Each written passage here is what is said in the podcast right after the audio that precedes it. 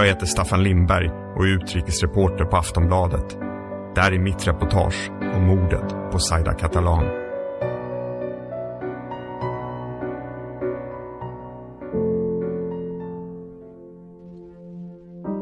Den unga FN-svenskan Zaida Catalan sätter sig på en motorcykel och åker iväg mot sin egen död.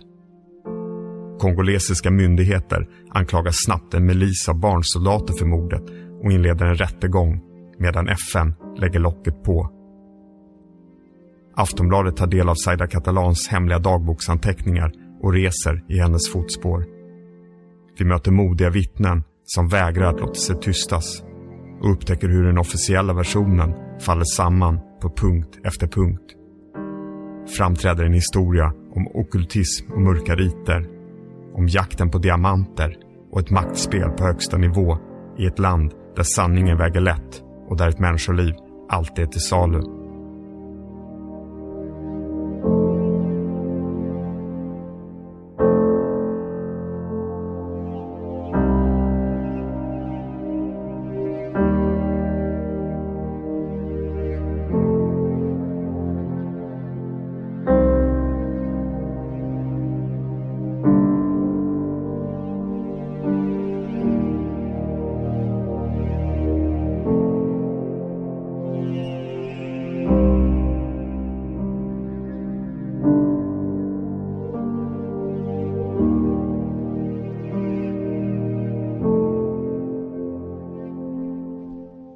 Tre saker i livet kan inte gömmas. Solen, månen och sanningen. Zaida Catalans sista Twitterinlägg som hon la upp nio dagar före sin död. Det här är berättelsen om en ung kvinna som gav sig ut för att förändra världen, kom något farligt på spåren och aldrig återvände. Den kommer att sluta under de gulnande ekarna intill en öländsk stenkyrka där havet skymtar över fälten i en grav som ännu inte har grävts eftersom delar av kvinnans kropp fortfarande saknas och i en familjs förtvivlade kamp för sanning och rättvisa.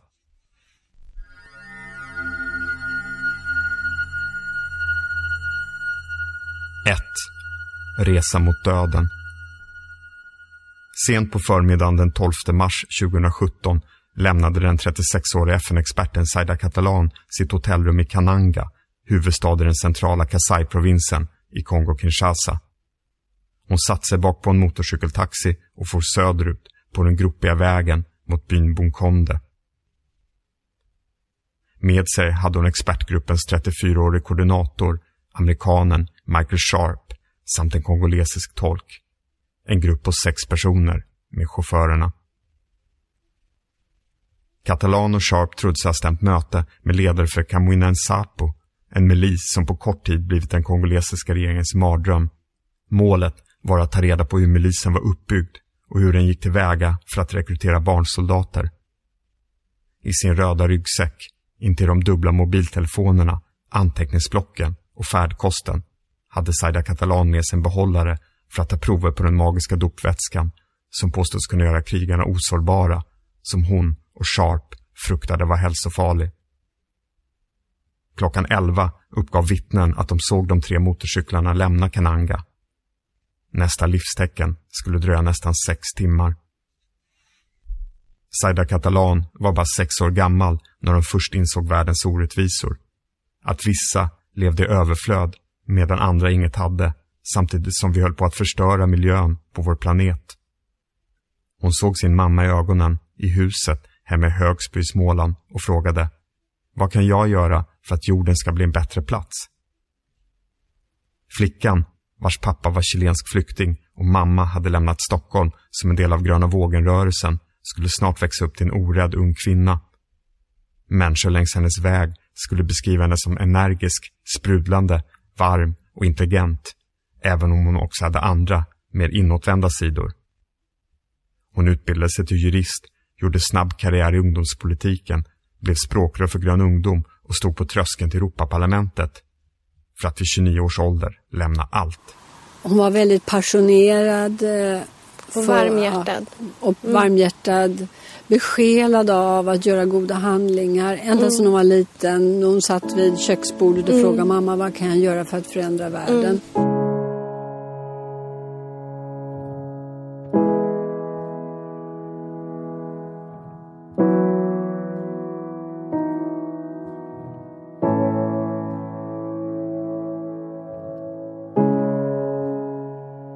Blev djupt olycklig när hon inte fick jobba in action med att hjälpa andra människor. Hon ville ut och göra skillnad.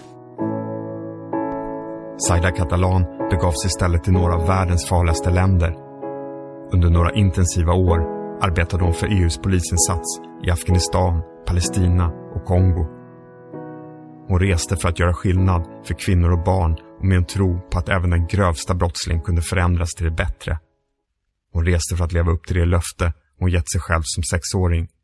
Och hon reste för äventyret. På den sista Facebook-bilden sitter hon med glasögon bak på en motorcykeltaxi, lyckligt leende under en brännande afrikansk sol. Living la vida loca in the DRC, skriver hon. Saida Catalans nya uppdrag för FNs expertgrupp i Kongo-Kinshasa hade börjat sommaren 2016. Gruppens viktigaste uppgift var att utreda personer som var aktuella för individuella sanktioner, vilket kunde innebära att de belades med reseförbud och fick sina tillgångar frusna. I praktiken handlar det om ett antal höga politiker, generaler, rebellledare och chefer för säkerhetstjänsten som på olika sätt hotade freden. Gruppens rapport skulle skickas direkt till en kommitté underställd säkerhetsrådet i New York och oberoende av den väldiga FN-styrkan på plats som ofta var illa sedd bland vanliga kongoleser. Saida Catalan var van att jobba på utsatta platser men FN-uppdraget medförde nya risker. När hon kom hem till jul berättade hon för familjen hur hon tvingats fly från ett möte med en krigsförbrytare anklagad för mord och våldtäkter på barn. Det var enda gången hennes mamma, Maria Morseby, någonsin hörde sin dotter säga att hon hade varit rädd. Klockan tio och fem på eftermiddagen den 12 mars ringde det 29-åriga Elisabeth Morsebys telefon i byn Rella på Öland. Det var hennes syster, Saida Catalan. Hon lyfte på luren och hörde flera män som talade på ett främmande språk. Något som liknade suckar eller andetag som hon från första stund uppfattade kom från Saida Catalan. Samtalet varade i 72 sekunder. Därefter bröts det. När hon ringde upp igen fick hon inte något svar. Systrarna stod varandra nära men hade inte hörts på ett tag. Så Elisabeth Morsby insåg att hennes nummer inte kunde ha funnits bland de senast slagna och att det inte handlade om någon fickringning. Saida Catalan befann sig i nöd. Tillsammans med Maria Morseby letade hon upp kontaktuppgifterna till två personer på FN och slog larm. Organisationens fredsbevarande styrkor i Kongo går under namnet MONUSCO och är den i särklass dyraste insatsen i sitt slag i världen. Men i hela det vidsträckta Kasai-området fanns vid den här tiden bara ett par hundra soldater. Hjälpen skulle dröja. 29-åriga Emily Litsgård, som arbetade för en svensk hjälporganisation i staden Bukavu, 120 mil från Kananga, hade skickat ett meddelande till Saida så fort hon fått höra att en svensk kvinna saknades i västra Kongo. Trots att hon inte hade fått något svar var hon inte orolig. Det var så typiskt hennes vän att befinna sig bortom all mobiltäckning. Hemma hade de kanske aldrig mötts. Saida Catalan hade sin bakgrund i miljörörelsen och feminismen. Emily Litsgård i pingströrelsen och Kristdemokraterna. Men i Kongo såg de samma orättvisor i kvinnors utsatthet och det extrema sexuella våldet. Långt in i de mörka nätterna hade de suttit uppe, druckit pucka-te, pratat jobb och afrikansk politik och svenska bostadsrättsköp till grodornas och syrsornas knirrande orkester. Saida var alltid fylld av energi, modig och exalterad över allt som gick att göra, säger Emily Litsgård. Redan nästa helg skulle vännen besöka henne igen i Bukavu, hade de bestämt. Vid lunchtid den 13 mars fick Emily Litsgård höra att det hade skett en attack där en utländsk kvinna och man dödats. Redan samma kväll fick hon namnet på kvinnan bekräftat. Det var Saida. Det fanns de som fick beskedet ännu tidigare än så. En medlem ur expertgruppen fick höra att Zaida Catalan och Michael Sharp var döda redan på söndagskvällen, enligt en källa. På Öland var Elisabeth och Maria Morseby vakna dygnet runt. De valde att lita på uppgifterna från kongolesisk polis och militär att Saida och Michael var kidnappade. Fortsatte att hoppas. Mot slutet blev signalerna allt mer dubbla. Kongo talade om kidnappare. FN letade gravar.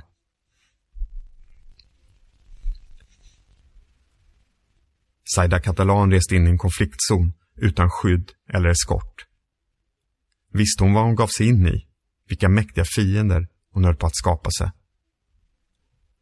De sista veckorna hade hennes arbete blivit allt intensivare. Från sin bas i östra Kongo reste hon kors och tvärs med FN-flyg. Tiden var på väg att rinna ut. Den 17 april skulle rapporten skickas till FNs säkerhetsråd. Att döma av Saida Catalans privata dagbok var det något väsentligt och farligt på spåret. Så här skriver hon den 22 januari. Spännande utveckling. Jag är faktiskt pirrig.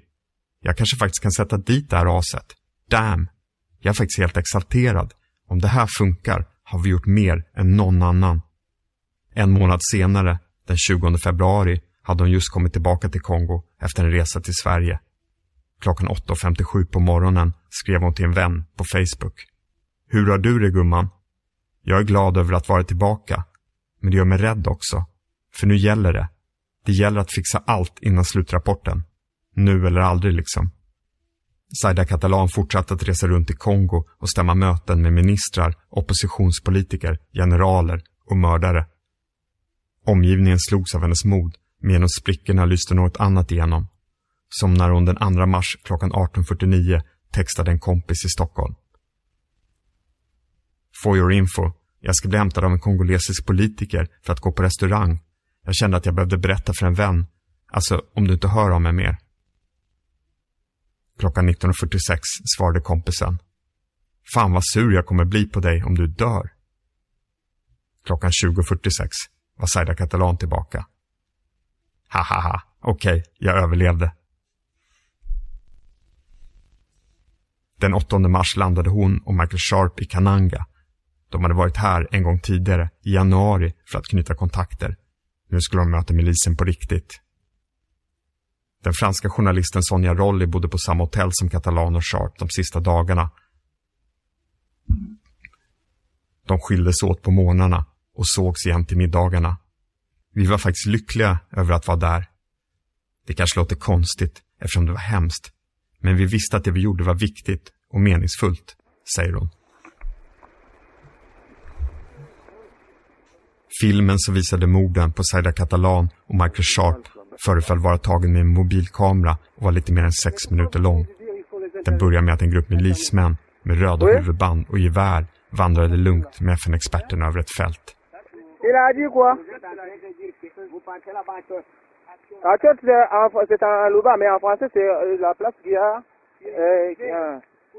Utlänningarna gick barfota. De saknade sina ryggsäckar, smycken och klockor. Och tolken och de tre chaufförerna syntes inte till.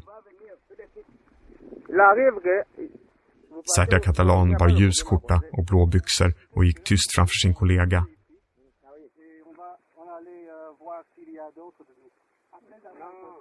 Varken kläder eller fötter var särskilt smutsiga, så de kunde inte ha gått särskilt långt. Michael Sharp samtalade med männen. Han anmärkte på att de hade många vapen. Männen lovade att peka ut massgravar. Vi väntar på ledaren, den store ledaren, sa en av dem. De kom fram till en skogsdunge och fick instruktioner om att sätta sig ner. Båda lydde. Nu hände flera saker i snabb följd. Filmen fick bättre kvalitet, som om någon hade tagit bort ett filter. Männen, som befunnit sig runt Saida Catalan och Michael Sharp avlägsnade sig hastigt, men han bara ett par steg.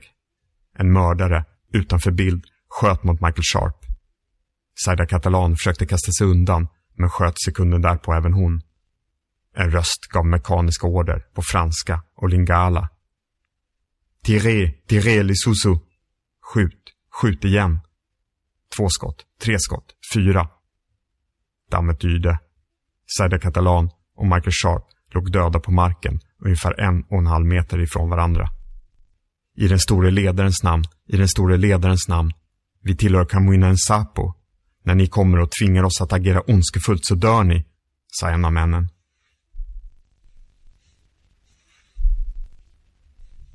Mitt i natten bankade två polismän på dörren till huset på Öland. 15 dagar av väntan, av vad mamma Maria Morseby skulle beskriva som att stiga ner i dödsskuggans dal, var över. Ljuset, som fortsatte att brinna varje timme, minut och sekund, hade slutligen släckts. Graven hade hittats nära byn Moyo Musuila. Saida Catalan var till skillnad från sin kollega halshuggen. Huvudet saknades. Hon identifierades genom sina kläder och tatueringen på underarmen.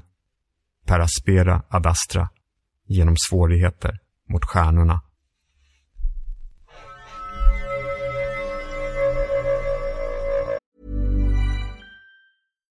Millions of people have lost weight with personalized plans from Noom. Like Evan, who can't stand salads and still lost 50 pounds. Salads generally for most people are the easy button, right? For me, that wasn't an option. I never really was a salad guy. That's just not who I am. But Noom worked for me. Get your personalized plan today at Noom.com. Real Noom user compensated to provide their story. In four weeks, the typical Noom user can expect to lose one to two pounds per week. Individual results may vary.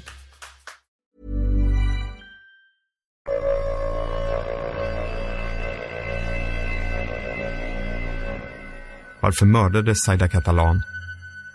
Berättelsen faller samman i tid med två brytpunkter i Kongo-Kinshasas samtidshistoria.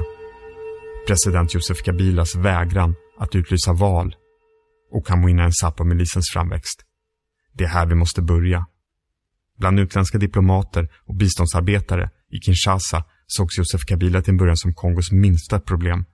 Hans armé anklagas visserligen för grova övergrepp, men i ett land av mördarmiliser, massvåldtäkter och bottenlös fattigdom var alternativen till Kabila, som var med och störtade den tidigare diktatorn Mobutu Sese Seko, få. De senaste åren hade förtrycket förvärrats och dussintals obeväpnade demonstranter dödats på Kinshasas gator. Journalister och aktivister hade försvunnit. Den 20 december 2016 skulle Kabila lämna ifrån sig makten enligt landets konstitution. Men den idag 46-årige presidenten vägrade att utlysa val och föreföll istället försöka göra sig till diktator på livstid. Vreden växte, inte minst i den upproriska och fattiga Kasai-regionen vars invånare länge upplevt sig vara försummade. När den traditionella ledaren Kamuina Nsapo dödades av säkerhetsstyrkor i augusti 2016 exploderade våldet. Den nya milisen, som bar en dödes namn, attackerade skoningslöst olika symboler för staten, polisstationer, myndighetskontor, till och med flygplatsen i staden Kananga. Kriget spred sig som en skogsbrand genom det fram till nu fredliga området. Enligt en FN-rapport var mer än hälften av den nya milisens krigare barn. Pojkar och flickor lockades i tusental i en omfattning som ingen tidigare sett i Kongo-Kinshasa. De yngsta var bara fem år. Barnen kunde utlovas pengar till mat och skola.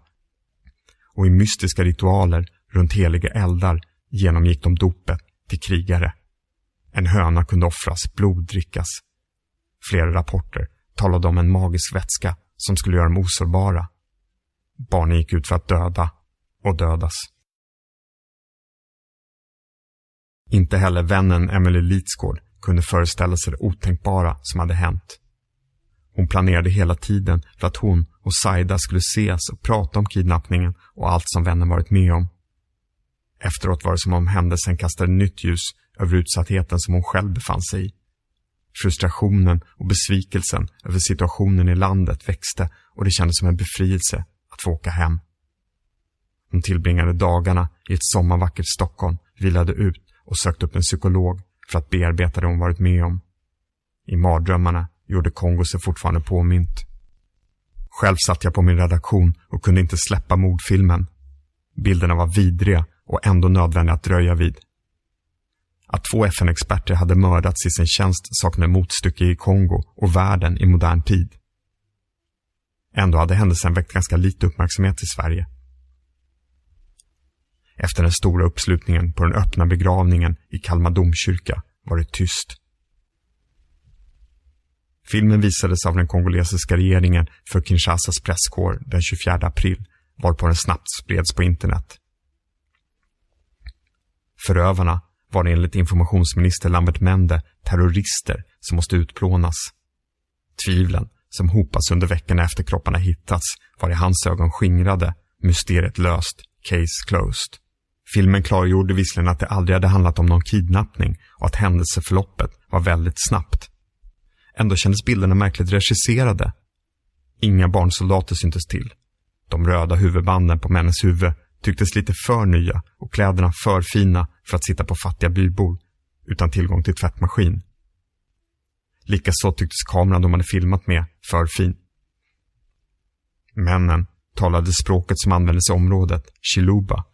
Men när order gavs om att skjuta gick de över till franska och lingala, statsmaktens och arméns snarare än bymilisens språk.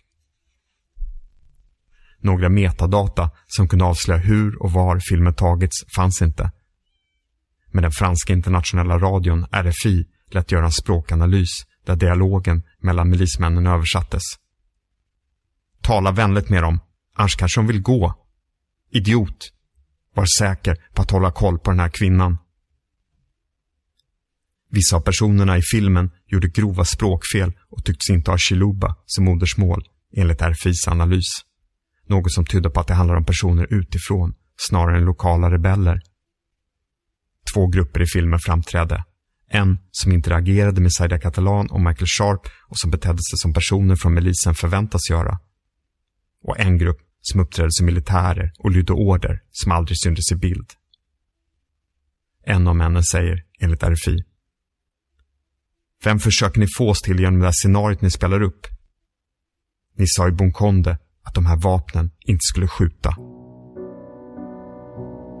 Statisterna och utförarna. Det var något i historien om Saida Catalans död som inte stämde.